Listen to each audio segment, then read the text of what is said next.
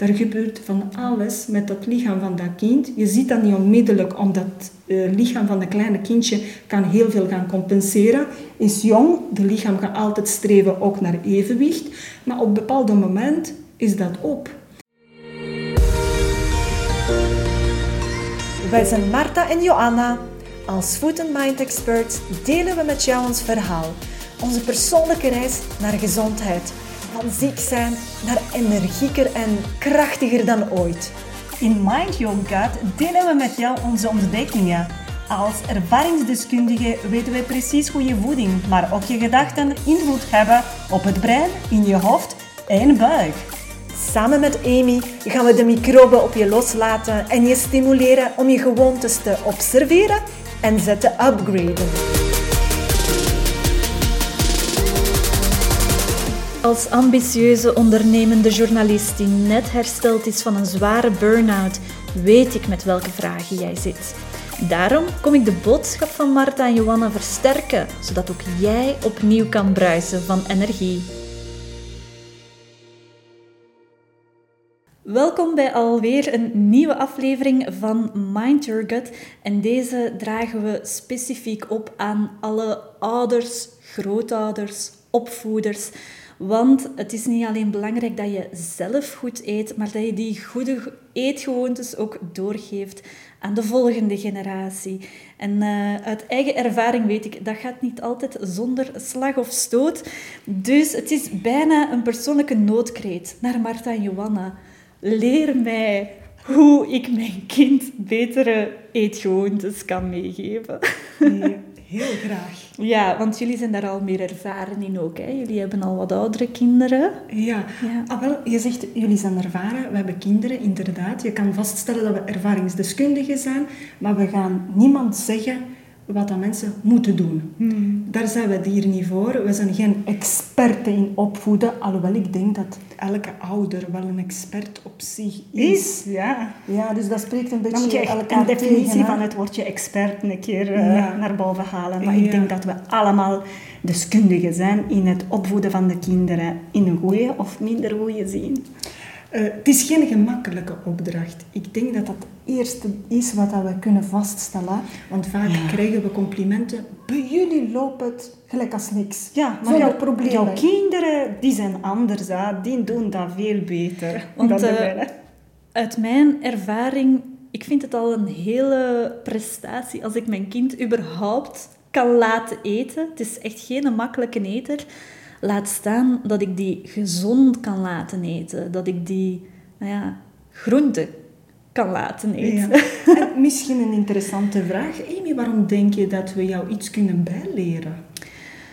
Ja, ik, uh, ik had er straks de eer om met Sofie even aan tafel te zitten. En, uh, en ja, bij haar zie ik geen, geen weerstand. Die, die pakt zelf gezonde voeding uit de koelkast. Er is hier waarschijnlijk ook niet veel anders te vinden. maar ja, ik, ik vind, ik moet nu zo, nu dat ik mij daar zo van bewust ben en daarmee bezig ben, met zelf heel gezond te eten, ja, ben ik daar nogal nog meer mee betrokken bij wat dat mijn kind eet ook. Hè. En, en ik ervaar dat ik een hele dag door nee zeg tegen hem. Nee, geen snoep. Nee, geen koek. Nee, geen boterham met choco. Mhm, Eerst mhm. iets gezond. En ja, dat is nu omdat we denk ik nog in, in zo'n omschakeling zitten en dat ik dat vroeger veel meer toeliet, omdat ik ja, zelf ben grootgebracht met koek en snoep. Bij ons thuis, als je de snoep... We hadden een grote snoepkast. Echt zo een, een buffetkast. En als je die deuren, dat was zo'n dubbele deuren, daar staken ook wel andere dingen in. Borden en zo, verfeestelijkheden. Maar als je die deur opentrok, dan kwam de snoep je al zo tegemoet gevallen. Dan een zak chips dat daaruit rolt, of, of een chocoladereep of zo. Zo vol zat die snoepkast. Dus mhm. ik ben zelf opgegroeid met ik denk snoep en koek op dagelijkse basis. Ehm, en ik zag daar dus eigenlijk ook weinig um, ja, kwaad in voor mijn eigen kind. Ik had altijd zoiets van, oh ja, hij eet goed zijn fruit. Dus... Het is alsof het hoort zo te zijn. Ja, Dat mag. Dat ja. zit in de kast. Dat is in de winkel trouwens ook. Eh, dus waarom zou ik het niet meenemen? In die kast stoppen. En als ik er zin in heb, haal ik het eruit. Ja, Oké, maar ik hoor je zeggen, doordat ik in contact ben gekomen met jullie Mm. en met jullie visie op voeding, op opvoeding, is mijn mening daarover veranderd. ja, ja, het is vooral denk ik het besef van hoe slecht dat suiker eigenlijk echt voor ons is. Dat, ik, eh, dat ik ben gaan beseffen. Ik dacht eigenlijk, tanden gepoetst en probleem is voorbij wat suiker betreft. Ik had eigenlijk geen idee van mm, buiten overgewicht, wat, wat dat suiker zoal met u doet. Hè. Ehm, dus ja, mijn zoon heeft absoluut geen overgewicht, want dat is een heel actief manneke. Dus ik zag daar geen kwaad in. Ehm, Trouwens, ja, ik ga je onderbreken, maar dat, is, dat geldt voor veel kinderen. Die overgewicht is niet onmiddellijk zichtbaar. Dus die slechte keuzes worden überhaupt op die manier eh, ja, teniet gedaan. Van ja, die mag alles eten en het, dat kind wordt toch niet dik. Hè?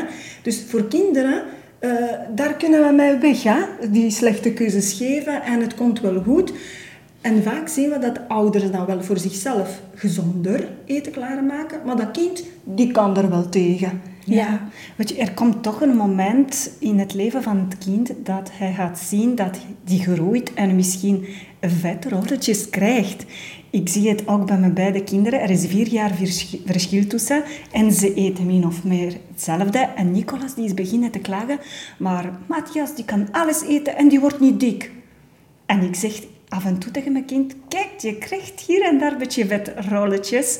En eh, ja, misschien zou ik het niet mogen zeggen, zeggen sommige ouders, want alles waar je aandacht aan geeft, groeit. Maar ik als ouder... Ik, ik zal dat echt wel tegenspreken, Ja, hè, want maar- alle onderwerpen moeten bespreekbaar zijn met je kinderen. Dat is niet iets dat je moet wegstoppen. Het is net de kracht daarvan om eerlijk te communiceren over alles wat je ziet. Dat durven aanspreken, dat maakt dat kind tot inzichten kan komen. Ja, En zich vragen gaat stellen. Ja, want het kind ziet het niet in het begin. Ik eet suiker en ik ben volgende dag niet dik. Dat is weer iets, een gewoonte, dat als je dat blijft onderhouden, dat dan na jaren pas effecten opbrengt. Of tot bepaalde resultaten Dat- leidt eerder. En kind is een, een jonge mensje die nog altijd groeit en energie nodig heeft. En het lichaam zoekt altijd naar evenwicht, zoekt altijd naar manier om die suiker toch te verwerken, eh, zodat dat een kleine lichaampje kan blijven functioneren. Maar er gebeuren verschillende dingen in het lichaam terwijl dat, dat kindje groeit en suiker blijft eten. Ja. ja. Dus ik vond de aflevering van vandaag super spannend. Ik merk sowieso intuïtief al gisteren, hè, was ik echt goed aan het nadenken, wat wil ik zeggen? En er zit precies een opstander in mij, zo'n activist van, kom aan, als het om kinderen gaat, dan moet je wel echt wel moeite doen. Hè? Het maakt me niet uit dat je als volwassene overgewicht hebt, maar bij kinderen Kom aan, je moet dat kunnen zien dat jouw keuzes bepalen of dat, dat kind gezond of niet gezond is.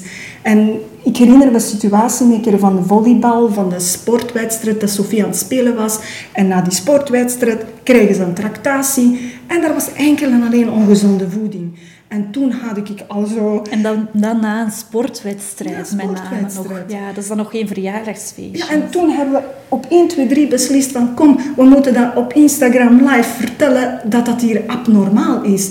Die ouders moeten beseffen dat dat niet normaal is, dat uw kind, die je met moeite 's morgens vroeg wakker krijgt, iets te eten eh, kan geven, naar die wedstrijd meesleurt om te bewegen, omdat je wilt dat uw kind beweegt en gezond blijft, om daarna fruitsap, de goedkoopste en slechtste fruitsap te krijgen, een wafel en de keuze tussen met chocolade of met de suikerbollen. Dit is niet normaal. En ik voel dat gewoon dat dat aan het borrelen is in mij van kom aan, neem die verantwoordelijkheid, want uw kind kan niet altijd zelf die keuze maken. Wij zijn hier niet om de, met vinger te gaan wijzen, want dat hebben we ook voor elkaar beslist. We willen niet tegen mensen zeggen, je moet dit of dat doen. We willen eerder iedereen tot inzichten laten komen, beslis wat het beste voor uzelf is. Maar als het om kinderen gaat, moet ik echt wel die vinger opsteken. Ja, want kinderen is onze toekomst. En het doet echt pijn om kinderen te zien met overgewicht, kinderen met dikke buiken, kinderen die uh, de trappen niet op kunnen zonder beginnen te hegen, zeg, zeg ik het juist? Hijgen. Ja, ja zonder adem. Ja. Die kunnen dat niet meer doen. Hè? Uh, ons kindjes blijven thuis, vooral. De meeste kinderen blijven thuis spelen, blijven achter de schermen. Je ziet weinig kinderen buiten spelen en dat doet echt pijn aan ons moederhart. Ja, ja klopt. Ja, deze generatie van, van kinderen die nu opgroeien, groeien inderdaad nog meer op met zo achter de schermen uh, zitten en die zijn veel minder actief dan dat wij misschien waren in, in onze kindertijd. Nochtans, ben ik daar juist in. Uh, de gewoontes dat je als kind aangeleerd krijgt, dat, dat vormt het fundament voor, voor eigenlijk je, je gewoontes doorheen de rest van je leven? Heel sterk. Daar is daar begint alles. Hè. Ja. Het, trouwens, het woordje. Ja. Zie we kunnen elkaars gedachten lezen. Ja. Vertel eens. Ja, het woordje opvoeden. Hè. Je bent de opvoeder van je kinderen. Opvoeden, het woordje zelf, bevat het woordje voeden. En dat vinden we geweldig uiteraard. Want ja, we willen mensen een praktijkkennis geven wat voeding betreft, wat optimale voeding betreft. Ik spreek niet graag over gezonde voeding, want ik vind dat ongezonde voeding zou ook niet mogen bestaan. Maar we spreken daar wel over. Mensen zijn daarvan niet, niet van bewust. Hè. Uh, maar ja, we willen mensen wakker schudden dat, er, uh, dat opvoeding voeding ook inhoudt. En het start eigenlijk met het voeden. Dat kind die op de wereld komt, wat doen we als mama? Het allereerste is jouw kind voeden. Aan de borst. Daar, dat is zelfs niet alleen iets wat je als ja. moeder als eerste doet. Ik heb zo'n heel natuurlijke bevalling gehad en ze hebben mijn zoontje zo op mijn buik gelegd en ik vond dat zoiets magisch eigenlijk. Dat, dat klein babyke dat juist uit mijn buik kwam, die kroop vanzelf naar mijn borst om, om meteen te beginnen drinken. Ongelooflijk. Dat is dat reflex, ja. ja. Ja, we zijn zuigelingen, hè? Ja. En dat is, dat is effectief eerste reflex dat we als mama hebben. Ja. En eerste reflex van het kind is voeden om te kunnen overleven. Mm. En zonder eten, dat weet iedereen, kunnen niet overleven. Dat kind is hulpbehoevend vanaf het begin, afhankelijk van de moeder. En het moet niet anders dan te eten krijgen om te kunnen groeien en slapen om te, ook om te kunnen groeien. Dus dat opvoeden, dat was geniaal als we dat opgemerkt hebben, dat die voeding in opvoeden zit. En dan moeten we hier trouwens ook toegeven dat dat opvoeden of voeden bij ons ook eigenlijk niet zo vanaf het begin heel goed verlopen was. Mm. Uh, toen dat we zelf mama's geworden waren, we waren ons niet zo bewust van, van gezonde voeding als wij op dit moment zijn. Mm.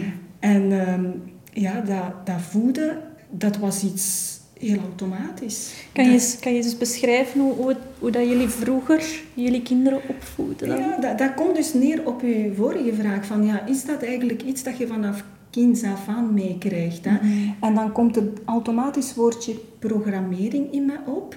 En je gaat als kerstverse mama vanuit het ziekenhuis sowieso al een opgelegde uh, regels krijgen. Je moet dat kind om zoveel tijd aan de borst leggen.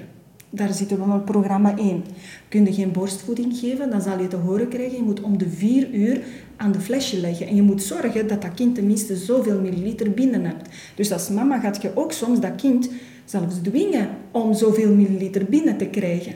Ja, dus, want anders denk je dat je niet goed bezig bent. Ja. En ja, dat als er iets misgaat, dan is dat jouw schuld. Dat dat kind niet goed groeit. Hè. En dat wil geen ouder. Soms word je zelfs, zelfs gedwongen als kerstverse mama om dat kind aan de borst onmiddellijk te leggen. En dat mondje van dat kind wordt in elkaar geperst dat hij wel aan die tepelhoofd zou pakken. Zodat dat, dat kind direct onmiddellijk dat leert. Misschien, het is sowieso altijd vanuit de goede intentie. Maar dat kind dat heeft natuurlijk een reflex. Als het niet direct lukt, probeer dan nog eens binnen vijf minuten, binnen tien minuten. En dan vertrouw ik erop dat het gaat lukken. Maar die programmering is in onze maatschappij zo alom aanwezig dat je niet anders kan dan, dat gaan, dat, dan het gaan volgen. Want anders denkt je, ik ben een slechte moeder. Ja. Dus je gaat met bepaalde schema mee naar huis. Er zijn zelfs papieren dat je moet invullen, geloof ik, van wanneer heb je pamper ververst, hoeveel pipi en stoelgang dat erin was, hoeveel heeft het kind gegeten, om een beetje controle te hebben van oké, die mensen kennen dat, we sturen die naar huis en die gaan die schema ver, verder volgen. Dus dat is eigenlijk een programma die we meegekregen hebben. En vandaag durf ik zeggen, dat die programma niet juist is. Want ik ben vandaag meer overtuigd dan ooit dat je meer op intuïtie, op buikgevoel mag gaan. En dat kind effectief op vraag laten eten. Ja, we leren kinderen eigenlijk af om naar hun hongergevoel te luisteren. Ja. Of hun verzadigingsgevoel. Hmm. Ja. Dat is het, want die verbinding wordt daar al verbroken. Van voelen, wat heb ik nodig? Ik eet zolang als ik nodig heb. Die mama die beschikbaar moet ook zijn voor dat kind om inderdaad op vraag te kunnen voeden. Langer dan drie maanden. En niet zomaar terug gaan werken en dan ja, terug met flesjes beginnen te pompen. Dus daar begint het alles. Hè. Maar ik wou aangeven van hoe is het bij ons misgelopen. Hè? Dus we zijn naar huis gegaan met die twee kleine kindjes. Johan heeft twee kinderen, ik heb twee kinderen. En dan hadden we een bepaalde schema. En je moet je plan leren trekken. Van hoe, hoe gaat het nu verlopen? En je gaat doen wat jou opgelegd is of wat dat je zelf kent. En als jonge mama had ik tenminste niet zoveel energie om daarover na te denken. Dus het begon al eigenlijk bij het voeden van mezelf, de kwaliteit van voeding dat ik zelf innam, en dan de kwaliteit van de voeding dat ik aan mijn kinderen gaf. En het was niet altijd de juiste keuze, moet ik zeggen. Hoe was dat bij jou? Ehm, ja, bij mij is het een klein beetje anders verlopen, want ik wist altijd van in, de van in het begin dat ik borstvoeding wou geven. Maar mijn kindje is geboren met problemen en dat ging niet. Dus mijn teleurstelling was enorm dat ik dat borstvoeding niet van in het begin kon geven aan dat kind. Maar ik geloofde er nog altijd in van Nicolas wordt beter en binnenkort gaat het goed komen. Mijn borstvoeding, de melk dat ik heb eh, telkens eh, afgepompt, werd ingevroren in het ziekenhuis. En van het moment dat dat kindje kon het flesje zuigen, kreeg hij het onttooide eh, moedermelk wel drinken. En ik vond dat enorm uh, frappant dat het kind kon van het ziekenhuis ontslagen worden op het moment dat het goed aat. Dat was een precies conditie om dat kind mee naar huis te laten gaan met de mama. Eet dat kind goed, dan mag die naar huis. Dus van het moment dat ik borst kon geven, ik vond dat zo... dat was ongelooflijk, dat ik dat kind iets van mezelf kon geven en ik wist dat ik het beste kon geven wat kon. Dus... eh, En dat gevoel, hè, dat is ongelooflijk. Hè? Je werd zo trots dat je van jezelf iets kon geven. En dat geldt ook voor grotere kinderen. Je wilt altijd als ouder het beste geven aan je kind. Maar wat super belangrijk is, is het bewustzijn hebben dat het kind niet altijd zelf kiest. Wij zijn de rolmodellen voor ons kinderen. En eh, de keuzes dat jij maakt, bepalen welke keuzes dat je kind gaat maken vandaag, maar ook binnen 20 jaar als die zelfgezien gaat stichten. En diegenen die bewuster worden van de kwaliteit van de voeding, misschien door de partner die andere voedingsgewoonten heeft, die hebben geluk, want die gaan zich in vraag stellen of dat de gewoontes en overtuigingen die zij van thuis uit meegekregen hebben, of dat die nog altijd eh, hen dienen. Of dat ze op die manier willen eten, of dat ze anders, gezonder of anders gewoon willen eten. Hè? Eh, maar dat is zo bepalend voor de toekomst van dat kind. Hmm. Dan moet ik denken ook aan de eerste pap dat dat kind kan krijgen hè, op de leeftijd Fruitpap. van... Fruitpap, ja. Het is de eerste, ik denk dat fruitpap was de eerste en dan de groentepap. Hè. Dat was het volgorde dat, dat opgelegd Wat wordt. ons aangeleerd, wel, als een aangeleerd werd in de opleiding voeding en dieetkunde. Hè? Ja, Er ja. was een recept voor de papa. Ja, ik was kei blij dat ik de fruitpap kon geven aan mijn kind. En ik was kei curieus van, hoe gaat hem daarop reageren? Ja. Want het is toch eerst dat iets dat hem in de mond krijgt, wat andere structuur heeft, wat andere smaak heeft en andere temperatuur. Dus ik, de beste pap ever met biologisch fruit. En ja, natuurlijk moest er een koek bij. Want Dr. Google vertelt, pap, dat bestaat uit fruit, banaan, appeltje en koek. Ik denk dat dat de eerste Better makkelijkste... food ja. Better food koek, ja. ik heb zo gezocht naar, naar alternatieven voor, zo die koek. En dat, of koekjes meel. hè. Maar waarom zocht je naar alternatief trouwens? Ik, ik, vond dat, ik vond dat heel bizar. Dat een van de eerste dingen dat je je, je klein kind geeft, is een koek. Ik stond daar niet stil bij. Ik dacht, er staat koek Ja, bij, ik dat moet een koek in een dat pap is een voorbeeld van die programmering. Hè? Dat Ja. hoort erin, je staat er niet bij stil, je doet Dus dat. Ik- mijn kind zit voor mij, ik hiernaast tegenover. Ik pak dat potje, een lepelke, mooie kleurken van het potje, want daar bestaan toch speciale Oh, ja. bestek en speciale kommetjes voor kindjes. Hè? Dat moet je hebben. Dat moet je toch hebben als ouder. En ja, ik pak die eerste lepelke van die fruitpap en ik steek dat in de mond van dat kindje en ik zeg ah. En dat kind doet ook zijn mond dan open ah. Want Er bestaat zoiets kind als spiegelt u. spiegelneuronen. hè. Die spiegelt jou. Dus dat kind doet ook ah, want die kijkt naar mij. Want dat kind doet niet mond open omdat hij ziet dat eten komt. Eh, Het kent het niet. Dus het doet gewoon puur Apt- moeder apt je na. na. Oh my god, ik ben me daar niet van bewust Ja, dus je doet ah en dat kind doet ook ah. En je steekt dat lepeltje langzaam, voorzichtig in het mondje. En je weet, je mag niet de, de, het tandvlees niet aanraken. Je moet dat zaagtjes doen, dat dat kindje voelt dat er iets binnenkomt. Ja. Maar die informatie heb ik precies niet meegekregen. maar oké. Hangt er vanaf welke boeken je la- eh, eh, leest en welke kanalen. Nee, er is ook wel tien jaar verschil ongeveer, hè, dat je Ja. kindjes krijgt en wij. Hè. Ja. Dus die kennis verandert ook in ziekenhuizen. Ja. je hebt heel natuurlijke bevalling, hoor ik, eh, gehad. Ja. Jij had die keuze gekregen. Ik was me niet van bewust dat ik op andere manier zou Ik kunnen ben, ik ben bevallen. denk ik vijf uur na mijn bevalling het ziekenhuis uitgewandeld. Ja. oké. Ja. echt even Ja, eh, Dus gewoon dat de verandert ook wel, ja. ja. Oké, maar spiegelneuronen. Ja, dus dat lepeltje Ja. binnen in het mondje en dat kindje vindt dat leuk. Hij begint daaraan te smaken En dat kan niet en doen. anders dat dat kindje dat lekker vindt, want daar zit zoet. in, ja, inderdaad. Ja, en onze brein is geprogrammeerd om zoet lekker te vinden. Omdat zoet meestal betekent dat dat caloriedens is. En onze oerbrein is geprogrammeerd om ja, energie te Binnen te willen hebben, binnenkrijgen om te kunnen overleven. Oké, het papje was op. Ik ben blij. Kind, kei blij. Dat heeft iets nieuws gegeten. En ik, ik ook blij omdat dat kindje dat kan. Het lukt. Dus dat kind gaat kunnen overleven. Ik kan die voeden. Maar na vijf minuten, ik denk misschien tien minuten... Zo snel? Ja, zo snel zag ik het liepje dik worden. Rood, opgezwollen. En dat kind begint te overgeven. Nog altijd in dat stoeltje voor mij. Ik zeg, wat is er mis? Ik in paniek van, wat gebeurt hier? En ja, gelukkig wist ik dat dat een allergische reactie was op iets. En ja, ik ben direct... Ja, wa- wat kan dat allergie veroorzaakt hebben? Iets dat in die pap zit. Appel, banaan of koek.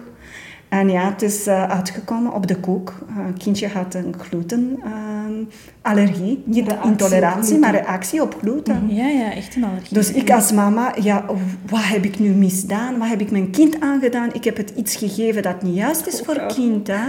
Dus je vind- voel je schuldig, maar je gaat dan direct ook naar alternatieven zoeken. Dat wat je daar straks hebt gezegd. Waarom, waarom moet er kook bij? Dan heb ik mezelf dat vraag ook gesteld en gezegd, maar als dat reageert op dat koek zo slecht, als mijn kindje reageert op dat koek, dan ga ik die koek gewoon weglaten. Maakt het van mijn slechte moeder, omdat ik het koek weglaat? Het is weer spijtig hè, dat wij altijd miserie eerst moeten ervaren vooraleer dat wij eh, wakker geschud worden om tot nieuwe inzichten te komen. Ik ben blij dat jij zegt, ja, eh, direct zo van, eh, koek, waarom moet dat erin? Waarom zou ik starten met suikerrijke voeding en dat kind afhankelijk maken van de suikers? En vandaag hoort je dat ook trouwens, dat er in een soep suiker bijgedaan wordt om dat kind die soep lekker doen vinden. Ah ja, want tomaten zijn zuurachtig, hè? En kinderen willen dat meestal... Ja, en op de witloof moet je toch ook suiker strooien, want anders mm, eten ze gekarameliseerd witloof. Ja, ja.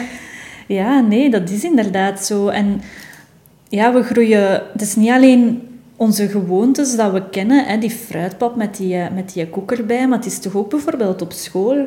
Wij, wij moeten als ouders zelfs in de school van mijn zoontje geen, geen fruit of koek meegeven, want ze krijgen dat op school. Ze krijgen één stuk fruit en één koek elke dag. Maar ook dat is zo, ja, waarom heeft elk, waarom heeft elk kind elke dag Een koek nodig een bijvoorbeeld. koek nodig? Omdat er zoiets als koekendozen bestaat. Of brooddoos, hè? Wij, wij als maatschappij creëren dat. En we staan er niet stil bij van... Hoe is een koeken of een brooddoos ontstaan? En het kost veel energie om anders te gaan doen. Want er bestaat een brooddoos, dus ik zal maar een brood daarin stoppen, want dat is gemakkelijk.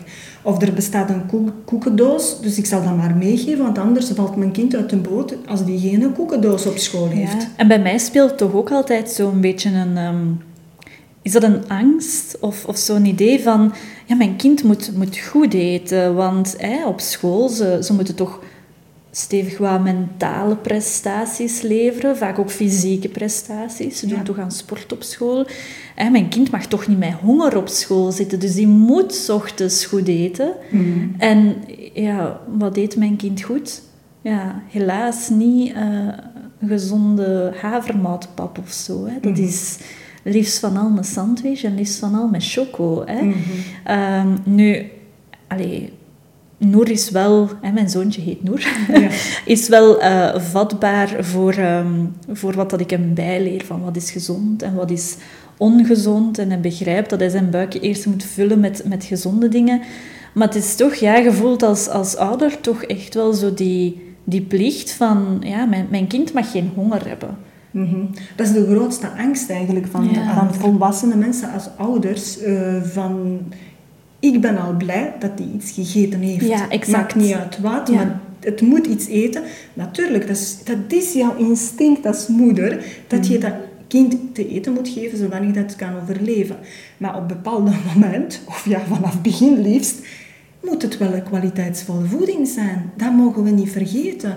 Er is onvoldoende kennis over gezonde voeding al in ziekenhuizen. Want wat krijg je te eten als, uh, als je kindje geboren wordt als moeder? Ja, licht verteerbare wit brood met confituur die bomvol suiker zit. Dus daar zit die negatieve of verkeerde programmering. Hè. Kennis is basis en dat moet meer aan bod komen. Mensen moeten weten wat is gezond. Waarom geen avocado geven als eerste voeding aan dat kindje? Gewoon laten uitlepelen. In de hand van dat kind geven en volledige, volwaardige stukken fruit leren kennen in plaats van uitgeperste appelsien in pap. Inderdaad, laat het leren kennen wat de consistenties zijn. Blijf bij dat kind zodat hij zich niet gaat verslikken. Uh, als moeder doe je dat automatisch. Mhm. Maar we krijgen niet gewoon de opties aangereikt om het te gaan doen. Dus vanaf begin al, vanaf de geboorte, de juiste kwaliteitsvolle voedzame voeding. We hebben het zelf niet gedaan. En ik moet, trouwens, dat heb ik nog niet aan veel mensen verteld. Dat is iets ook, mm, dat doet nog altijd pijn aan mijn eigen hart. Wat er met Sophie is gebeurd, of wat wij meegemaakt hebben als Sophie vier jaar oud was, kreeg ze ineens een epileptische aanval. Oh, ze was maar vier jaar. Ze was maar vier jaar oud. Ik moest denken aan jouw zoontje, want hij is nu vier jaar. en kijk, dat zit zo in mijn, in mijn brein. Als ik kindje van vier jaar oud zie, herbeleef ik gewoon heel die episode van die epileptische aanval. En waarom vertel ik het? Want achteraf gezien denk ik dat voeding een grote rol heeft gespeeld in die ziektebeeld van haar. Gelukkig heeft ze geen epilepsie aan overgehouden. Het was maar eenmalig, maar ze heeft wel twee jaar lang medicatie moeten nemen tegen epileptische aanvallen. Want de artsen dachten, ja, het kan nog wel gebeuren, dus uh, laat dat kind twee jaar lang medicatie nemen. Gelukkig is het maar bij ene keer gebleven, maar ik denk achteraf gezien dat het te maken had met te koolhydraatrijke maaltijden. Van die geraffineerde suikers, van de pasta's, van de pizza's, van de sandwiches met, met chocopasta, zoals gezegd. En kan je, kan je eens duiden waarom dat je uh, dat eraan linkt? Want voor veel mensen zal dat misschien overkomen van allee, epilepsie is toch echt een, een ziekte en hoe zou dat kunnen voortkomen uit voeding? Het begint al bij mezelf, hoe dat ik mezelf had gevoed. Mhm de, de gezondheid van de moeder en trouwens ook het darmmicrobiome van moeder is van invloed Enorme op, belang. op het darmmicrobiome van dat kindje die geboren wordt, want die krijgt microben mee vanuit die geboortekanaal. Ik was niet in topconditie om kindjes uh, te gaan baren. Ik had 25 kilo, of ik was 25 kilo bijgekomen, wat niet normaal is. En er was niemand die tegen mij zei, misschien moet je kijken naar de kwaliteit van je voeding. Wat mhm. eet je? Want dat kind, bij Pieter, hij is geboren bij, met 4 kilo 410. Mm. Meisjes worden iets kleiner geboren, maar toch nog altijd 3 kilo 500. Dus Sophie komt op de wereld met de basis ja, conditie van de gezondheid van de mama. Dus al met overgewicht, dan krijgt die pap als eerste voeding, die fruitpap met heel veel koolhydraten, met die, met die koek erin. Mm. En ehm, als je kijkt uh, daarna naar die eerste melkje die erbij komt, vanaf twee, twee jaar mogen groeimelk. ze groeimelk krijgen. Wat is die samenstelling van die groeimelk? We gaan er niet te diep op ingaan, maar daar zitten weer mhm. koolhydraten in. Daarna gaan we naar de zuivelproducten, want dat is de gezondste product voor je kind, voor de calcium. Wordt gezegd. Voor, ja. ja. Dus die, dat is natuurlijk van invloed op gezondheid van dat kind. Misschien ziet je niet onmiddellijk, Noor is nu heel mager, die kan er tegen, die beweegt veel, die zal dat wel verbranden. Daar gebeurt van alles met het lichaam van dat kind. Je ziet dat niet onmiddellijk, omdat het eh, lichaam van een kleine kindje kan heel veel gaan compenseren. Is jong, de lichaam gaat altijd streven ook naar evenwicht. Maar op een bepaald moment is dat op. En ik denk bij Sophie had het te maken met kortsluiting van haar brein. Sowieso een kind die uh, ontwikkelt, die heeft groeispurten. Uh, de brein komt ook ineens in heel felle ontwikkeling. Um, het heeft tot een kortsluiting in de brein uh, gekomen. En intuïtief weet ik dat de voeding daar voor een stuk zat. Kijk, ik wou hier ook mhm. zeggen over het methode. Uh, uh, heel lang geleden, en nu nog altijd, wordt keto-dieet toegepast bij de kindjes met mhm. epileptische aanvallen. Mm. En keto betekent minder van koolhydraten. En dat is bewezen, dat kinderen die epileptische aanvallen hebben en beginnen keto eten, dus verminderde hoeveelheid koolhydraten. Heeft dat invloed van minder Vermindert het aantal aanvallen of zelfs stopt. Kunnen jullie dat eh, van, vanuit voedingskundig perspectief is, is verklaren? Wat, wat maakt dat koolhydraten ja, gezondheidsproblemen kunnen teweegbrengen? Eh, nu, je brein is sowieso afhankelijk van energie. Als je brein geen energie binnenkrijgt, dan gaan we flauw vallen. Mhm. Het, is, dat met glucose. Het is een orgaan die het meeste aan energie nodig heeft. Het heeft te maken met glucose. En voorkeur ook voorkeur voor suiker, ja. glucose. Maar veel mensen weten ook niet dat je brein ook op andere energiebronnen kan draaien. We, we hoeven niet afhankelijk te zijn van glucose, want je lichaam kan zelf vetten of vetzuren omzetten in koolhydraten in de glucose, die je mm. ook kan gebruiken intern voor je brein. Maar het brein kan ook ketonen en melkzuur gebruiken als energiebron. Klopt. Dus het is puur overmaat aan koolhydraten die kan leiden tot meerdere episodes van epileptische aanvallen. En wat gebeurt er in je lichaam met koolhydraten dat, dat dan slecht kan zijn voor je breinwerking? Nee, op zich, er is niks mis met koolhydraten zolang als er geen overaanbod aan mm. is. Dus er komt energie binnen onder vorm van voeding. En voeding is gebouwd vanuit koolhydraten, vetten en eiwitten. Altijd. En er is een bepaalde verhouding aan die drie macronutriënten gegeven die het gezondste zou zijn voor ons. Maar als je bekijkt hoe dat we ons vandaag voeden vanuit de westerse de gewoonte, eten we sowieso altijd meer koolhydraten dan vetten en eiwitten. Er komt dus overaanbod aan koolhydraat. En wanneer dat er een overaanbod aan koolhydraat binnenkomt, uh, gaat die koolhydraat omgezet worden in de vetcellen. Ja, er gebeuren verschillende biochemische reacties in het lichaam.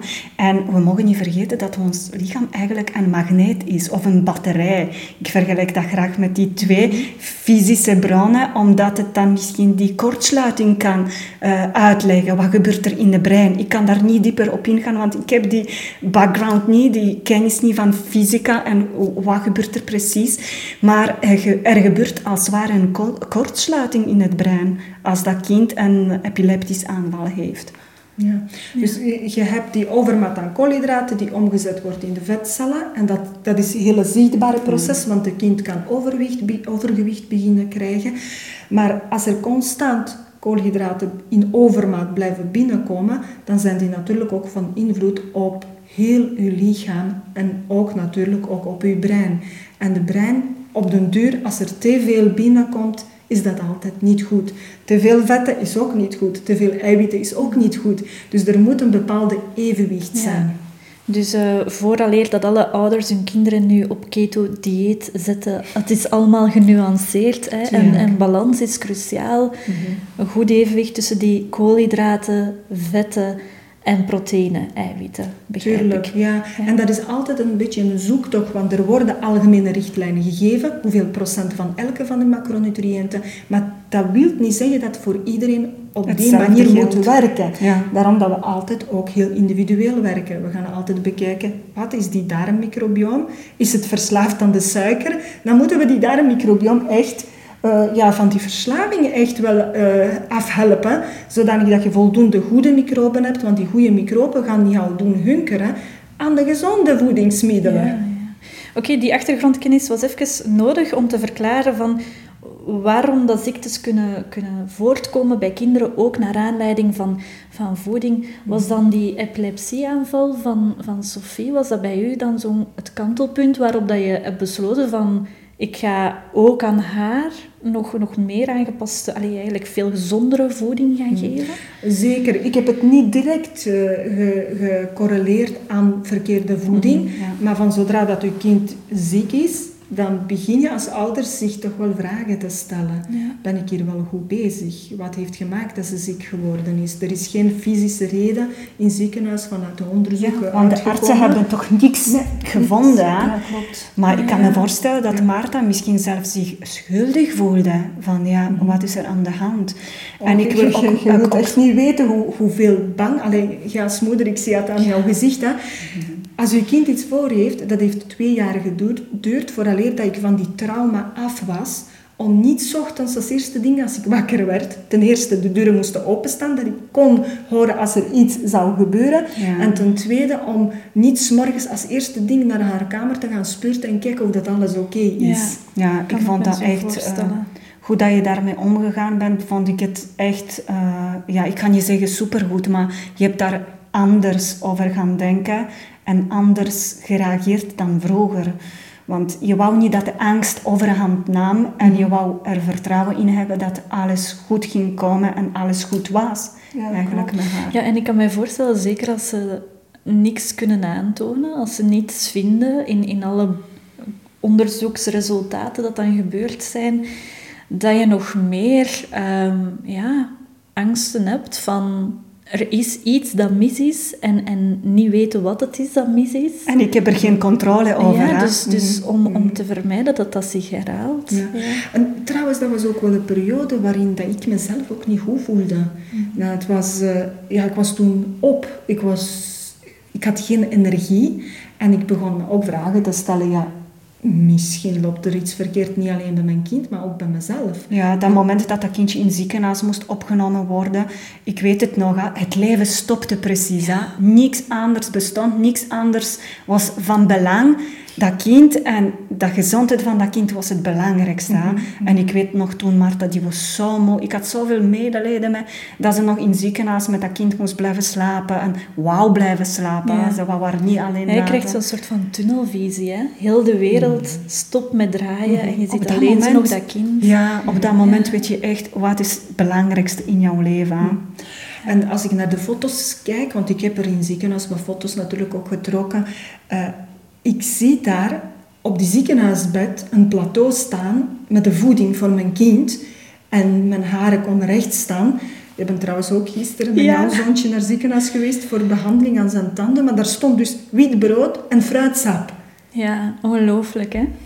Ja, daar, daar zou het moeten beginnen hè. De, de voeding dat je mensen geeft om te herstellen van een ziekte of een ingreep. Mm -hmm. Ja, Noor is inderdaad gisteren uh, in, in het dagziekenhuis geweest, omdat hij helaas dus uh, heel veel gaatjes heeft in zijn melktanden. Mhm. En ik kan dus heel erg beamen wat dat je zegt van als, als moeder... Ja, verscheurt u dat. Je voelt je zo schuldig, zo verantwoordelijk dat dat kind gaatjes heeft in zijn melktanden. En ja, ondertussen door, door COVID is die behandeling heel erg uitgesteld geweest, want uiteraard is het niet dringend. Mhm. hè? Ehm, dus dat is al bijna een jaar geleden dat de tandarts dat dan vaststelde van hij heeft veel gaatjes in zijn tanden en Ehm, het opmerkelijke was, hoewel dat ze mij eigenlijk ook vertelde van ja, let op met gesuikerde dranken, uh, let op met te vaak voeden doorheen de dag. Dat zijn allemaal dingen die invloed hebben op de melktanden. Maar ze sprak ook van ehm, ja, als kinderen een gevoelig gebied hebben, dat dat eigenlijk al, al gebeurt in, in, in de baarmoeder tijdens de zwangerschap. Dan wordt dat gebied eigenlijk al gevormd in de kaken en ja, de kwaliteit van je tanden wordt dan eigenlijk bepaald door de voeding of zo van, van de moeder. Of, of door trauma's dat je als moeder hebt meegemaakt. En ik weet nog dat, dat ook op dat moment dat die tandarts dat toen tegen mij zei, dat uh, ook de wereld even stopte met draaien. En, en ik heb toen dagenlang zitten denken en denken van, wat heb ik tijdens de bevalling verkeerd, verkeerd gedaan, verkeerd gegeten, dat mijn kind zijn, zijn tanden nu zo gevoelig zijn. Ja. Ja, en dan nog meer dat verpletterende schuldgevoel dat ik dat kind een koek en een snoep gaf hè, in die eerste drie levensjaren. Ehm, waarmee dat ik niet wil zeggen van, dat je kind nooit een koekje of een snoepje mocht geven. Allee, dat is toch niet hoe, dat, hoe dat ik het doe als, als moeder. Ehm, maar ik denk wel dat, dat we soms die dingen te onschuldig zien. We zien dat zeker Ja. vast te onschuldig. Ja. Ja, kijk naar de verschillende paradigma's dat er ontstaan rondom het opvoeden van kindjes. Je hebt de ouder die verantwoordelijkheid om het kind, heeft om het kind gezond te voeden. En dan de grootouders die, Die er het zijn, recht hebben. Die het recht hebben, die er zijn om het kind te ver- vertroetelen, zeg je, om te verwijnen. Ja, want Ja. grootouders moeten een snoepkast in huis hebben. Trouwens, dat woord, ik vond dat ongelooflijk. Snoepkast? Snoepkast, toen we in België gekomen zijn. We, we kenden kenden dat dat nog niet. niet, Nee. ja. En dat is uit, ja, we kwamen uit kansarme omgeving. Onze mama had niet genoeg centjes om regelmatig snoep te kunnen kopen. Laat dan maar een snoepkast in huis hebben.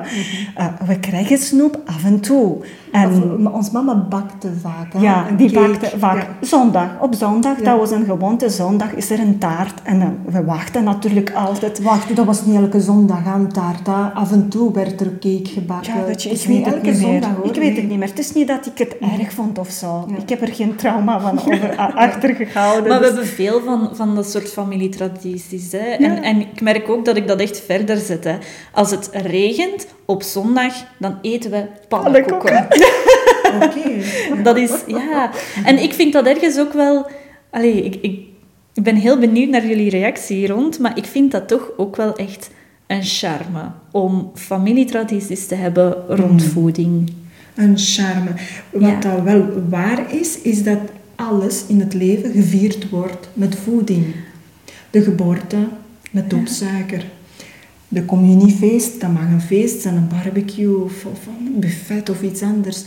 Trouwfeesten, Verjaardagen, promoties. Zelfs dood, als je er niet meer bent, wordt gevierd met koffietafel. Absoluut, Met, ja. met de witte pistolet met kaas. Hè. Ik, eh, ik ben dat echt gaan beseffen zo bij, bij mijn familie. Misschien is dat bij elke familie zo. Maar zo van, alles draagt altijd rond eten. Ja, daarom Ja. is het zo Wij- belangrijk om ervan bewust te Ja, zijn. wij kunnen niet samenkomen zonder samen te eten. Ja. En eigenlijk is dat, is dat het centrale ding. Zo van, wat gaan we dan samen eten? En dat heeft charme en dat mag charme ook hebben. Ja. Wij zijn er niet tegen. We Dat er houden van eten. tuurlijk. We houden van eten, van genieten. Maar niet alleen van ons buik vol te proppen, maar van bijvoorbeeld samen aan dat eten beginnen. Om dat samen klaar te maken. Samen aan tafel komen. Ik heb er niks op tegen dat we een uur of twee aan tafel samen zitten, leuke gesprekken hebben en ondertussen eten. Maar die keuze, daar moeten we van bewust zijn. Dat je mag kiezen of dat je twee stukken of drie eet. Of dat je extra gaat bescheppen of niet. Of dat je beslist welke voeding in huis komt om daar iets van klaar te maken. Dat moeten we meer gaan beseffen. Dat het daar rond moet draaien en die charme mag blijven. Dat is heel mooi en we mogen dat blijven cultiveren, vind ik. Ja, maar in plaats van pannenkoeken op een regenachtige zondag, kan dat dan... Maar wacht, er is niks mis met die pannenkoeken. Mm. Zolang als je beseft, ik moet dat niet elke keer doen, want in België hebben we te maken met heel slecht weer. Ja. Misschien is dat elke dag het pannenkoek. Elke zondag vele is- zondagen op een jaar. Dus misschien zouden ze zich de vraag kunnen stellen, oké, die pannenkoeken goed, het regent, we zullen die pannenkoeken bakken, maar hoe worden die gemaakt? Misschien kan je een pancake bakken in plaats van met bloem, boter en melk, kan je die maken van banaan, amandelmeel en eitjes. Die zijn trouwens ook heerlijk. Ja, En dan want krijg je al is- iets helemaal anders natuurlijk. Ja. Er is niks mis met een maaltijd samen te nuttigen. Trouwens, dat is een extra kracht. Eh, dat geeft mensen boost en eh, dat geeft mensen vreugde.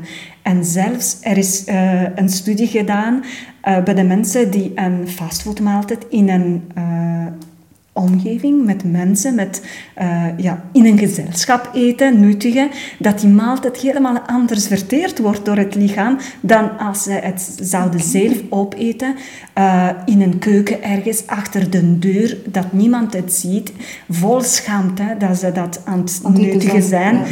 Dat heeft helemaal ander effect op het verteren van Hoe dat. dan? Ja.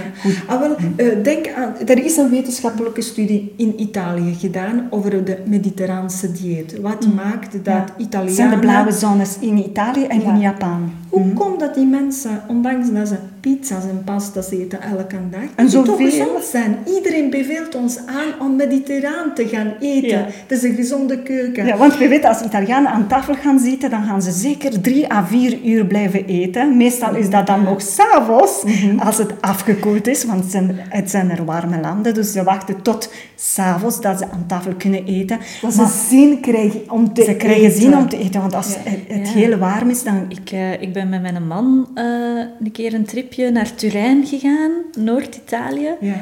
En eh, ik, vond dat, ja, ik vond dat zo raar. Er was daar geen enkel restaurant open voor, als ik het goed heb, acht of negen uur s'avonds.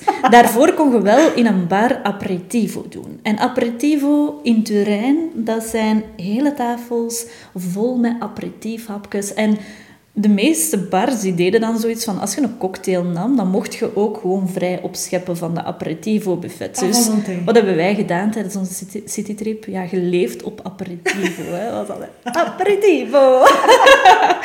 maar dat is, ja, dat is een, een, een cliché, zo groot als dat maar kan zijn. Maar hè, van, van de Italiaanse moeder die nog een keer opschept op je bord.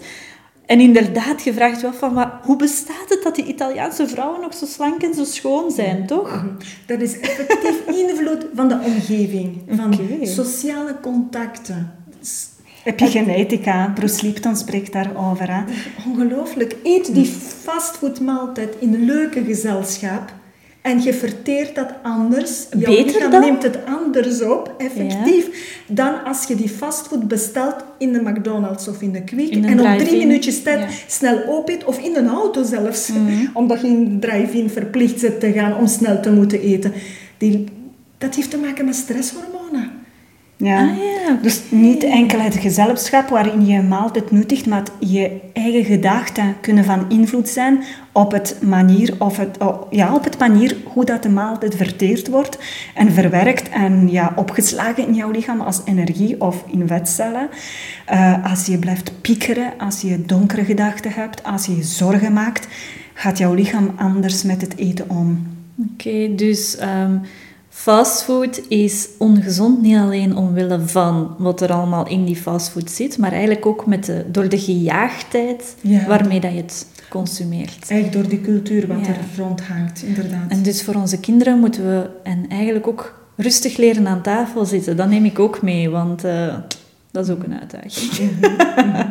Rustig leren aan tafel zitten. En dan denk ik direct, maar dat kind dat kan niet Die wil dat rustig echt blijven zitten. Nee. Dat kind blijft misschien 15 minuutjes en niet- 10, 15 minuutjes niet langer stil aan tafel zitten. Dus dat is het moment dat je aan tafel wil zetten, neerzetten, de maaltijden die het kind gaan voeden. Die echt bouwstoffen worden van het lichaamtje die opgroeit. Want we worden wat we eten. Als we pizza blijven eten en hamburgers, dan zijn we pizza en hamburgers op de deur. Je wordt wat je eet, Ja. effectief. En je En toch... va- vandaag verplichten we ons kinderen niet meer. Ik weet niet hoe dat bij jou is om allemaal samen aan tafel te gaan, eten en, eh, eh, te gaan zitten en op hetzelfde moment te eten. Wat ik aan mijn kinderen vraag, wat is de gewoonte? Misschien interessant om te vertellen. S'morgens, als ze zin hebben om te eten, eten ze. Ik, vaak, ik zal vaker vragen, s ochtends ook van, wat wil je eten? Waar heb je zin in? Vaak weten ze dat niet. Dus ik krijg de hand om te beslissen. Ik word daar zot van als moeder. Oké, Van, wat moet ik nog maken? wat willen jullie eten vandaag? Ik weet niet. Ik moet elke dag beslissen Ja. wat dat iemand anders eet.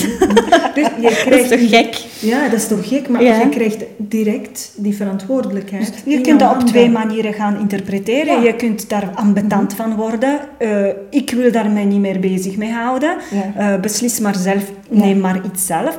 Of je kunt dat van een andere standpunt, standpunt gaan bekijken en zeggen... Ik heb hier een rol als opvoeder. Of ik kan als opvoeder mijn kinderen, mijn man gezonder maken door het feit dat ik iets anders op tafel ga zetten. Dus wat doe ik dan? Dan ga ik warme soep, eh, soep van gisteren opwarmen en op tafel zetten. En als ze beneden komen, vaak kijken ze raar. Sophie die kan zeggen, ah, pasta van s morgens vroeg. En dus trouwens geen tarwepasta, maar dan wel glutenvrije pasta die we klaarmaken, want de kwaliteit is superbelangrijk. Of soms zet ik dingen op tafel dat ik zelf denk als mama, dat gaan ze niet willen eten. Mhm. Maar ik kan me toch mezelf gaan uitdagen om het te gaan doen en afwachten wat hun reactie gaat zijn. En, en vertel eens, hoe is die dan? Oh, ik, ik val soms zelf van mijn stoel dat ik mezelf zo kan beperken tot bepaalde keuzes. En achteraf... Nu val ik bijna van mijn stoel, want als jij dat zegt... Ja, ik durf echt wel 's morgens te beginnen koken en warm eten op tafel zetten. En dan kan Pieter komen zeggen, mama, weet je dat de meeste jongens s'avonds na half acht nog warme maaltijd eten? En jij zet in de ochtend warme maaltijd op tafel. Ze zeggen dat wij op school, dus jongeren, reageren, "Eh, Pieter, je eet raar, je eet anders. En hij heeft er zelf geen moeite mee. Waarom? Omdat hij dat natuurlijk lekker vindt. En als hem er geen zin heeft om dat te eten, dan ga ik altijd op zoek naar opties. Dan kan ik zeggen, ja, laat die avocado dan liggen en eet wel champignonnen. Of heb je niet graag in de ochtend eh, pasta? Dan ga ik vragen, waar heb je dan wel zin in? Want ik heb dat klaargemaakt. Als je dat niet eet, dan mag je zelf iets anders gaan zoeken. Ja, ik ga je- niet drie keuzes op tafel zetten. Maar ehm kun je dan erop vertrouwen dat uw kinderen ook een gezonde keuze gaan maken? Want als ik aan, aan mijn vierjarige Noor vraag, wat wil je eten? Het zeldzame antwoord dat ik al krijg is stevast frietjes of pizza. Oh ja, die antwoord kregen we ook. Vaker, hè? Ja. Maar ik denk, Marta, het verschil bij jouw kinderen, ze zijn niet zo vanzelf geworden. Hè? Nee. Ze weten het belang van eh, kwaliteitsvolle voeding. Ze weten wat echte voeding is. Invloed op lichaam. Ja, je legt daar zoveel aandacht aan. Je vertelt tegen jouw kinderen wat gezonde voeding is. Ik trouwens ook. En je geeft ze voorbeelden van het leven. hè. Pieterke komt van, van school naar huis en hij zegt... Mama, die jongeren die hebben veel puistjes in het gezicht. En dan, je pikt daarop en je zegt, ja, hoe zou dat komen? Vraag je dat dan aan jouw kind. Je gaat ook niet direct vertellen, het komt door het veel te suiker te eten en hamburgers en, en die vieze, ja, eh, er is nieuwe eh, Kentucky Fried Chicken opgegaan in Leuven. Ied, alle jongeren naar school direct daar naartoe om het te proeven, het is spannend. Eh, en dan vraag je aan dat kind, ja, wat denk je, hoe zou dat komen dat die kinderen dan puistjes krijgen? Zou dat van de voeding kunnen zijn? Wat eten die kinderen? En dan hoor je van de mond van de kinderen, ja, meestal zijn dat toch wel boterhammen met choco. Mhm. Dus die eerste maaltijd, ze krijgen al iets anders voorgeschoten. En als ze zin hebben om te eten, dan eten ze. En als ze niet willen eten, er gaat niks gebeuren. Als dat kind zonder ontbijt of eerste maaltijd naar school gaat. Trouwens, je kan als ouder, ik vind sowieso, als ouder moet je alle trucken uit de doos halen, uit die toverdoos. Eh, ik, ik, ik weet, ik moet nog altijd dat doen. Andere ouders doen dat ook. Gebruik dat dan in uw voordeel. Als dat kind morgens niet gegeten heeft, propt in de brooddoos van alles wat voedzaam is. Want dan bestaat de kans dat ze heel veel honger hebben en dat willen gaan opeten. Ja. En trouwens, dan moet je ook gebruik maken van het feit dat ze op school verplicht worden om brooddoos leeg te eten, vooraleer dat ze naar buiten mogen gaan om te spelen. Dus wees slim en prop die brooddoos met iets leuk. Ja, zeg maar, ik ga, ik ga eens even moeilijk doen. Hè? Want ehm, ja, mijn zoontje is vier jaar. En, ehm, en ja, dat is effectief een brooddoos. Hè. Ze hebben niks warm op school of zo. Ehm, ja, je zegt iets voedzaam daarin steken, maar dat is toch niet gemakkelijk. Ze moeten toch een boterham met hun hand kunnen eten. En, en die kleine mannen, die, Dat die, moet praktisch die zijn, hè, morsen wat zo. dat- Dat moet toch praktisch zijn? Wat steek je daar dan in dat voedzaam is, in, in zo'n brooddoos? Ehm, diegenen die onze Instagram volgen, die hebben miljoenen voorbeelden al gekregen van wat wij in de brooddozen stoppen. Eh, de naam brooddoos is eigenlijk niet meer normaal om te gebruiken, want dat zegt Niet automatisch- relevant voor de maaltijden voor de dat wij klaarmaken voor onze kinderen. Ja, en weet je, vraag ten eerste aan je kind, wat wil je krijgen? Dat kind moet ook bewust worden dat hem elke dag opnieuw hetzelfde Mm. kiest. En ja, als ouder mag je ook dat kind daarop wijzen. Ga je weer hetzelfde eten? Breng je kind eerst tot nadenken. Dus laat ze kiezen, maar als ouder gaat je de grenzen blijven bepalen. En ehm, wat, wat, wat gaat er dan in zo'n broodjes? Want je zegt van, ja, wat moet ik er weer... De inspiratie is er niet, begreep ik van uw vraag. God, het is, het is, ja... De inspiratie en langs de andere kant, het is niet praktisch. Ja, is niet praktisch. Mag ik een keer een menu van mijn kinderen van dinsdag tot vrijdag misschien vertellen? dat is het beste, denk ik, dat dat is heel mensen gaan. concreet. Ja, dus in het weekend heb ik bouillon gemaakt. Of was het al maandag, want zondag had ik geen tijd om achter de kip te gaan. Dus maandag heb ik bouillon gemaakt en de kinderen komen maandag naar school bij mij, want we wisselen eh, week om week met de, week om week met de papa. Dus maandag komen ze aan en dan is mijn bouillon al klaar en kip dat erin gekookt is, is ook klaar. Dus voor dinsdag heb ik ingepland om daar rijst met pesto en de kip van de bouillonsoep mee te geven. Dus de week dat ze bij mij komen, gaan de brooddozen die van de papa meekomen, die worden gewassen en aan de kant gezet. En dan neem ik een andere, in plaats van een gele dosje, neem ik een groene dosje met een schroefdeksel. En dat is heel belangrijk dat het een schroefdeksel wordt. Want die rijst met die pesto en kip, die moet daarin blijven. Als je zo'n brooddos neemt met een dekseltje die daarop gaat en ja, nog los aan Het hangt, moet lekvrij zijn. Hè? Dus Ja. dat is eerste voorwaarde. Hè? dat mag een niet. goede. Ja, dat mag niet uit een doos komen. Dus ik heb mooie groene dozen met een schroefdopsel eh, of een schroef, hoe moet ik het zeggen? Een Schroefdeksel, ja, Deksel, ja, ja. Dus dinsdag was het rijst met pesto en kip daarin. En ik sta er niet meer, niet meer bij stil van, gaan ze het lekker vinden of niet? Ik weet dat het voedzaam is. Ik weet dat ze ooit in het leven rijst hebben gegeten, pesto gegeten en kip. En die drie dingen vinden ze kei lekker. Dus die combinatie, die gaat iets nieuws zijn. Dat heb ik nog nooit gemaakt. Maar ik neem de risico en ik maak het. Ik Dus zal dat- eens even wat eh, excuses op u afvuren. Ja. Ja, maar dat klaslokaal van mijn, eh, mijn zoon, dat gaat helemaal onder de rijst liggen. Hè? Dat, dat, die gaat dan niet proper eten en dan moet je dus eigenlijk ook al bestek meegeven. Ja, en die eet dat dan koud, Ja. want die kan dat niet opwarmen. Maar wie heeft gezegd dat de rijst warm moet gegeten worden? Mhm. Dat zijn weer die programmeringen die we in vraag moeten gaan stellen. Mhm. Want misschien stel je zich ook de vraag, gaat mijn kind in staat zijn om die doos open te krijgen? Ja, ook maar dat is een schroefdeksel. Ja, maar kijk, de boterham is ook eigenlijk koud, hè? Ja, maar weet je wat dat je dan wel jouw kind leert? Is Zelfstandigheid, ja. Die gaat zijn plan trekken. Waarom zou je niet als ouder vertrouwen op je kind dat die hulp gaat vragen? Ja. Zo heb ik te maken gekregen. Ik ga je wel nog laten Ja. nu verder vertellen, maar er komt een voorbeeld in mijn hoofd op van een koekendief. Sophie krijgt dus geen koekendoos. Of ze krijgt wel een doos, maar daar zit iets anders in dan een koek. Maar dat kind wordt dus geconfronteerd met geen koek op school, terwijl alle andere kinderen wel een koek hebben. En op een bepaald moment krijgen we opmerking van de leerkracht, er is een koekendief in de klas en dat is jullie dochter. Achteraf gezien, want ik was eh, een beetje aangedaan van, van dat opmerking, maar achteraf gezien heeft dat kind geleerd dat diefstal niet hoort.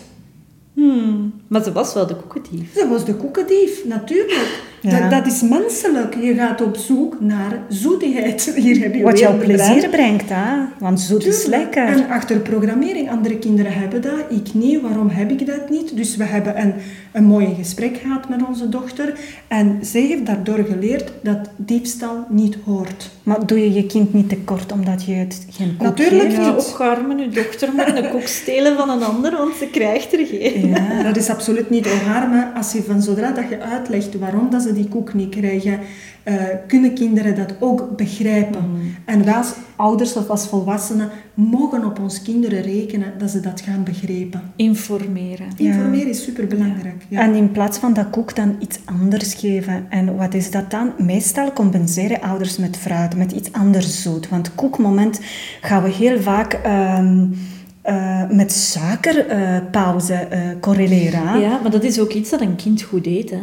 Allee, ja, mijn, mijn zoon is dan wel een moeilijke eter, maar fruit, dat gaat gelijk als niks, hè. Mhm.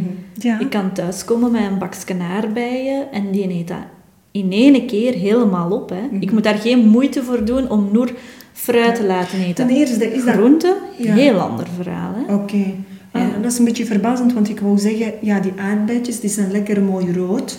Dus de brein is ook geprogrammeerd om kleuren te eten. Dit is ook de reden waarom voedingsindustrie in de rayons met snoep Ja, dat is daar een grote regenboog. Kermis. Kermis, ja. Feestje, hè. Maar met groenten is dat ook zo, maar die zijn minder uh, suikerrijk. Daarom is het superbelangrijk om vanaf die eerste maaltijd geen suikerrijke voeding te geven en je kind smaken leren kennen zoals ze zijn en niet verdoven met, met de suiker. Met te veel suiker. Ja, ja. Dus die voorbeelden van de maaltijden, misschien gaan we daar terug naartoe, want dat is super interessant om te weten. Woensdag is dan op school een korte dag. Hè? Dus woensdag krijgen ze geen lunchdoos mee. Ze krijgen dan fruitdoos mee, want ze eten in de voormiddag het fruitje. En van mij krijgen ze altijd veel fruit. Soms brengen ze het zelfs terug en zeggen, mama, ik heb, het, ik heb niet genoeg tijd om het op te eten. Want de meeste kinderen krijgen een stuk fruit, apel of een banaan, dat smakelijkste, dat ouders meegeven. Niks mis mee, maar het zou ook een zoete puntpaprika kunnen zijn dat de kinderen mee krijgen, of een worteltje. En je ziet dat sommige ouders het wel geven. Mhm. En ik zou dan ook aanraden om altijd fruit met groente te combineren, Mhm. dat het kind beide smaken leert kennen. Woensdag krijgen ze dan een fruitdoosje mee. Trouwens, eh, alle andere dagen ook. En het fruit is ook... eh, daar zijn verschillende soorten fruit in. Meestal drie, eh, drie verschillende soorten. Eh sinaasappel, ehm, kiwi, appel is het meeste nu op dit moment. Soms als ik ze meer plezier wil geven, of ja, geven, dat ze meer plezier hebben aan hun maaltijd, geef ik een mangootje, want dat eten ze heel graag.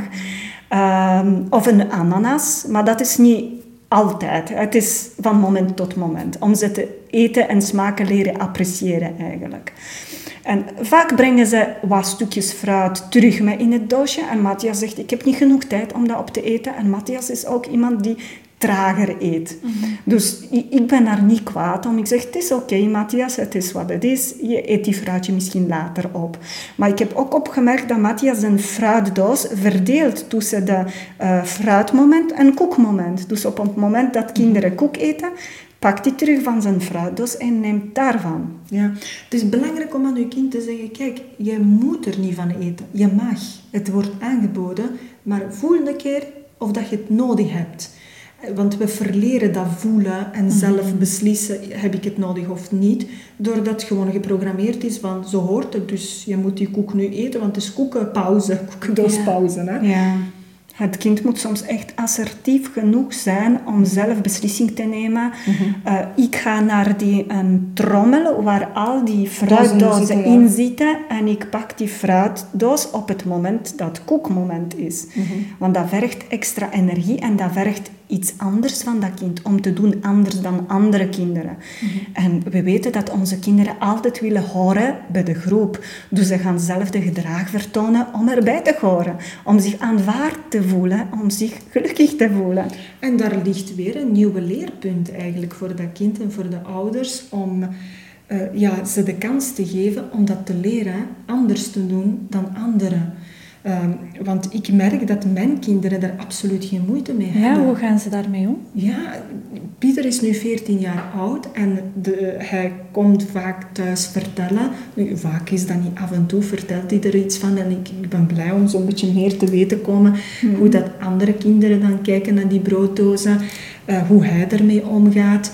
En eh, ja, hij heeft me ooit een gesprek toevertrouwd die hij eh, ja, onder zijn kennis had op school.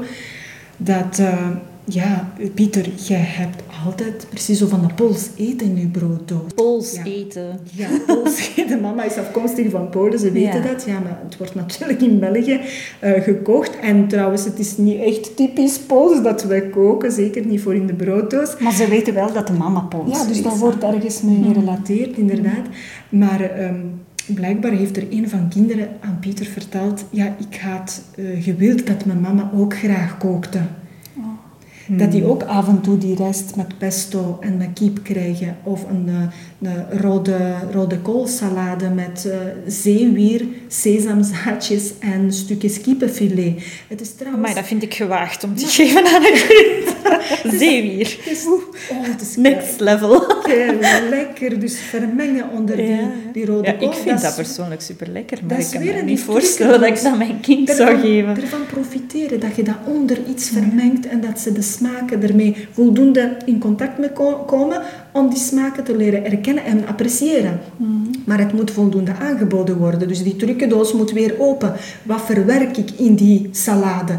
Prop er van alles in dat voedzaam is en dat uw kind in contact komt met nieuwe voedingsmiddelen en dat leert eten. Want ze moeten geleerd worden om te eten. En een kind is misschien wel beu om elke dag een sandwich met typisch Vlaams Nee. salami te Ik, ik eten. vraag me Spijtig genoeg. Ik vraag me dat af. Spijtig genoeg niet. Kinderen Nee. hebben dat graag. Ja. Regelmaat en routine, ze hebben dat graag. Ze weten wat ze verwachten en ze weten dat ze daarmee ja, gegeten hebben. Dat als ze zo'n boterham met choco of boterham met salami opgegeten hebben, dat ze zich daar, misschien staan ze daar zelfs niet stil bij. Ze voelen geen negatieve effecten, dus het is goed. Ik denk dat het interessant is gewoon om je kind te vragen. Van, heb je graag elke dag die brood met kaas, met eh, choco? Chris bijvoorbeeld, eh, mijn man, die, eh, nu is het twee jaar dat hij thuis is natuurlijk, dus die gaat niet met brooddozen naar, naar zijn werk. Maar hij krijgt ook die opmerking van, eh, zeg, je vrouw maakt wel moeite, hè? Allee, de, je hebt altijd iets nat tussen je boterhammen. Iets nat? Ja, iets nat. Wat Dat is is nat? gewoon droog kaas met, met hesp of met choco of confituur. Eh, Zoals ik zeg, ik verwerk van alles wat ik in de koelkast tegenkom. Is dat nu gegrilde paprika, is dat nu aubergine? Ik zorg ervoor dat bij elke maaltijd sowieso groenten aanwezig zijn. We willen groenten aanbieden om die darmmicrobioom natuurlijk altijd van goede vezels te voorzien. Want die darmmicrobioom houdt ons gezond. Dus Johanna zegt woensdag, is, eh, was dat dinsdag? Dinsdag was dat de rijst met eh, Pesto pesto, en en met kip. Wat was dan op donderdag? Donderdag. Ja, heb ik eh, zo van die lange boontjes gekocht. Ik weet niet hoe dat ze heten. Bonnenfamilies, dat zijn allemaal... Suikerbonen, geloof ik. Ik, Ja. ik snap die namen niet, maar het waren lange... Nee, het waren de lange soorten Pullen, bonen dat ik in twee heb gesneden. Ik heb ze 's morgens... Snijbonen of zo? Ja, maar lange. Echt zo van Ja. die... Langere soort. Oké. Lange bonen. Ik ja. heb ze gekookt, ik heb ze gesneden in de brooddozen, en brooddozen, in de dozen, groene dozen met een schroefdeksel.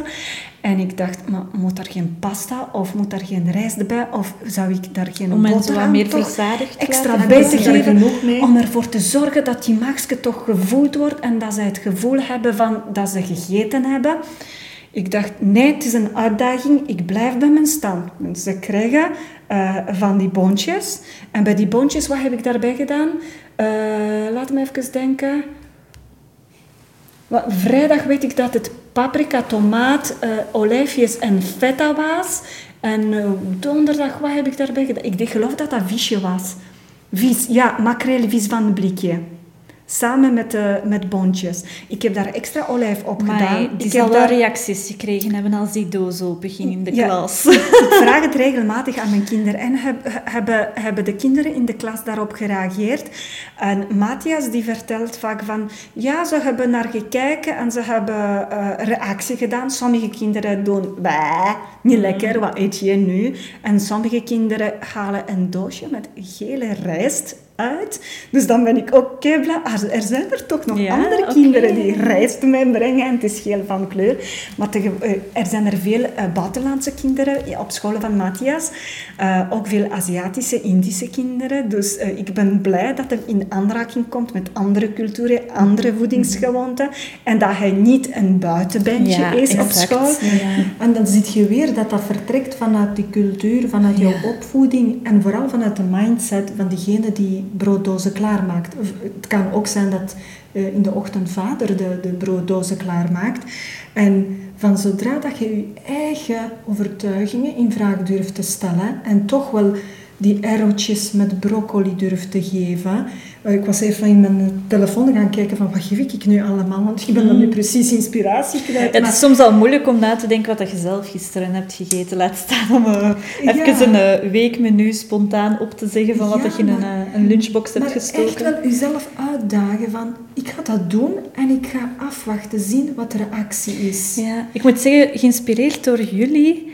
Ik zat eens op een ochtend zonder brood of sandwichje in huis en ik dacht, ga ik nu mij reppen naar de broodautomaat? Of ga ik eens proberen om die lunchbox dan te gaan vullen met andere dingen die ik in huis heb? En het is uiteindelijk een, ja, een lunchbox geworden met, ik moet wel zeggen, vooral fruit en, en zo noten. Oké. Eh, ja, dat ik er heb ingestoken toen. Dat is twee keer voorgekomen on- ondertussen. En ja, Noor was daar super blij mee. Die eet dat kei graag. Je bent even van je stoel Ja. aangevallen. ja. Kijk, als je al ja. één keer in de week kan starten met die alternatieve doos, dat zou al geweldig zijn. En kinderen zouden dat kei leuk vinden, want ze hebben een keer iets anders van Ja. thuis meegekregen. Ik kan me voorstellen dat het in de klas ook Ze kunnen daar een was. show, hè. Want in, bij, bij Noor in de klas, ik ga, ik ga soms zo voorlezen in de klas, dus ik, ik pik zo al een keer eens zo van die momenten mee op. Dat ik daar dan sta te kijken, terwijl dat alle kindjes aan tafel met een brooddoosje daar zitten. En dat is daar zo'n regel. Je moet eerst je boterham of je sandwich opeten en dan pas de rest. Maar de rest is dan groenten of, of fruit bij sommige kinderen. Wauw, kijk. Maar bij sommige kinderen ook gummibeertjes hè? Of, of chipjes of zo. Hè? Dus ja, dat is een beetje vanuit die ideologie, denk ik, dat, dat die leerkracht ook vertrekt en zegt van eet toch maar eerst die een boterham op en begin niet met die gummibeertjes. Ehm, maar ja, bij Noor was er op dat moment dus eh, geen boterham in, alleen maar fruit en, en noten. Dus eh, ik weet eigenlijk niet hoe dat, dat eraan toe gegaan is. Oké. Maar je vroeg inderdaad naar die reacties van andere kinderen in Ja. Nooit problemen mee gehad. Mijn kinderen hebben ook nooit komen klagen, mama, ik krijg het niet gegeten, want eh, ik moet aan mijn lepel eten, ik moet schroef, de schroefdeksel opendraaien. Die hebben altijd hun plan getrokken. Soms vergeet ik zelfs bestek mee te geven. Er is altijd oplossing. Sophie die zegt, mama, ik heb dat met de hand moeten opeten. Dan denk ik, my god, is er geen bestek op school? Dus zij leren op die manier ook naar oplossingen te zoeken. Maar nooit heb ik mijn kinderen zien wenen of klagen of er moeite mee hebben. Boos geweest op u, van mama, geef me nu een keer een normale brooddoos mee. Echt niet, want zelfs met corona, als ze buiten moesten eten en dan moesten ze blijkbaar op grond al zittend eten, dacht ik, oh my god, hoe doe je dat dan? Eh, zou ik die broodjes moesten wat aanpassen of zo? Mm. Ik heb er niet bij stilgestaan en ze hebben hun plan getrokken. Ja. Maar het is geruststellend om te horen dat met de leeftijd de, de weerstand van de kinderen verkleint. Want En- nu voelt het toch echt zo wel voor mij heel veel aan alsof dat ik maar voortdurend nee zeg. Ah, maar dat is kei Ja. interessant wat Of je nu push. zegt. Ik heb dat gevoel nu nog altijd, Ja? Amy. Oké, dat gaat niet over. Je blijft, je blijft die verantwoordelijkheid dragen, Mm. want de, de weerstand blijft, hoor. Ja, Marta op- zegt heel vaak dat ze een politieman of een vrouw in dat geval moet zijn. En zij is daar soms zo ambetant over van ik moet weer een politieman zijn. Als ik Ja. hier niet mijn punt laat zien, op mijn punt sta, Dan loopt dat dan, hier verkeerd. dan loopt het verkeerd. Dan gaat Chris toelaten dat ze eh, ja, over de grenzen gaan. En, Maar Marta is daar ook wel een beetje strikt over. Ik, ze vindt dat kei belangrijk dat de kinderen een goede basisfundamenten hebben. En het is aan iedere ouder om zichzelf Ja. te beslissen. En het kost energie, hè? Ja. Dat klopt, maar het is die Ja. keuze die ik gemaakt heb. Dit is voor mij het allerbelangrijkste. Dat ze... Waarom trouwens? Waarom? Omdat die voeding dat vormt de basis voor het opgroeien van dat kind, van dat lichaam. Je wordt wat je eet. Maar ook voor de concentratie en focus op school. Wat ze 's morgens eten is van invloed op, op die focus. Soms zelfs niet eten Eten, ja. is beter dan die suikerrijke cornflakes, croissants of sandwiches te, te eten geven voor de concentratie voor je kind op school. Ja. Daarom, en ik vind dat zo belangrijk, en dat zou voor iedereen belangrijk moeten zijn, omdat dat basis is voor je gezondheid, voor je ontwikkeling. Dus daar is geen no-go voor wat betreft voeding van verkeerd eet te geven. Ja. En dat helpt u om, om dan voortdurend de, de boeman te zijn en nee te zeggen? Ja. En eigenlijk soms voelt dat als boeman, vooral als ik zelf veel stress ervaar, eh, veel druk.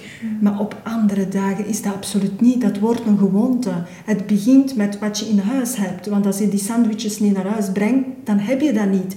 Als je die choco niet hebt, dan moet je tegen je kind zeggen, schat, het is er niet. Ik heb wel dat, dat of dat. Je mag kiezen. En dan staat dat kind voor gedwongen feiten om te kiezen, maar hij heeft nog altijd drie keuzes. Excuseer me, het is wel genoeg. Hè? Dus laat ze kiezen uit die drie. Ze zullen blij zijn dat ze iets mogen kiezen. En het is weer die autonomie geven aan dat kind. Misschien zelfs betrekken bij het klaarmaken van die eerste maaltijd en zeggen... Doe de koelkast open, maar dan als mama zorg je ervoor dat erin zit wat er moet in zitten.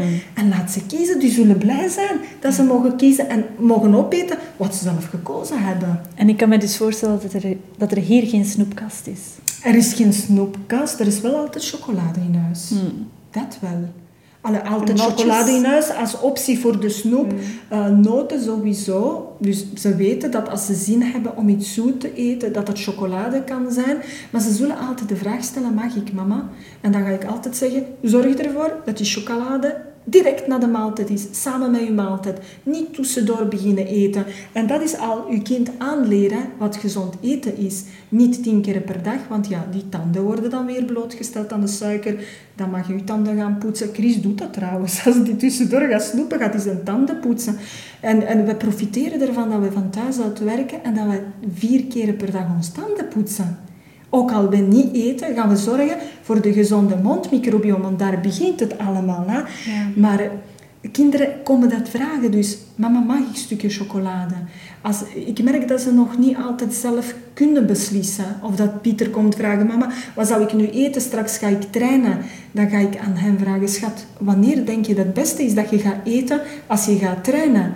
Want hij zegt, besef je wel, mama, dat de kinderen als ze van training om half acht of half negen thuiskomen s'avonds, dat ze nog warme maaltijd eten? En dan ga ik hem vragen, zou je dat graag hebben? Hmm. Ik ga niet zeggen, en we doen dat niet, dat mag Ja. niet. Ik ga vragen, denk je dat je dat nodig hebt? Zou je dat graag hebben, na die training nog warme maaltijd eten? Want vaak gaan de ouders ervan uit, ze moeten nog eten, toch? Warme maaltijd voor het slapen gaan. En ik ga eerder vragen, denk je dat je dat nodig hebt? Ja, dus ik onthoud dat je wel je leven lang misschien de boeman blijft, maar dat als je voldoende informeert en je kind erbij betrekt bij alle keuzes, Mhm.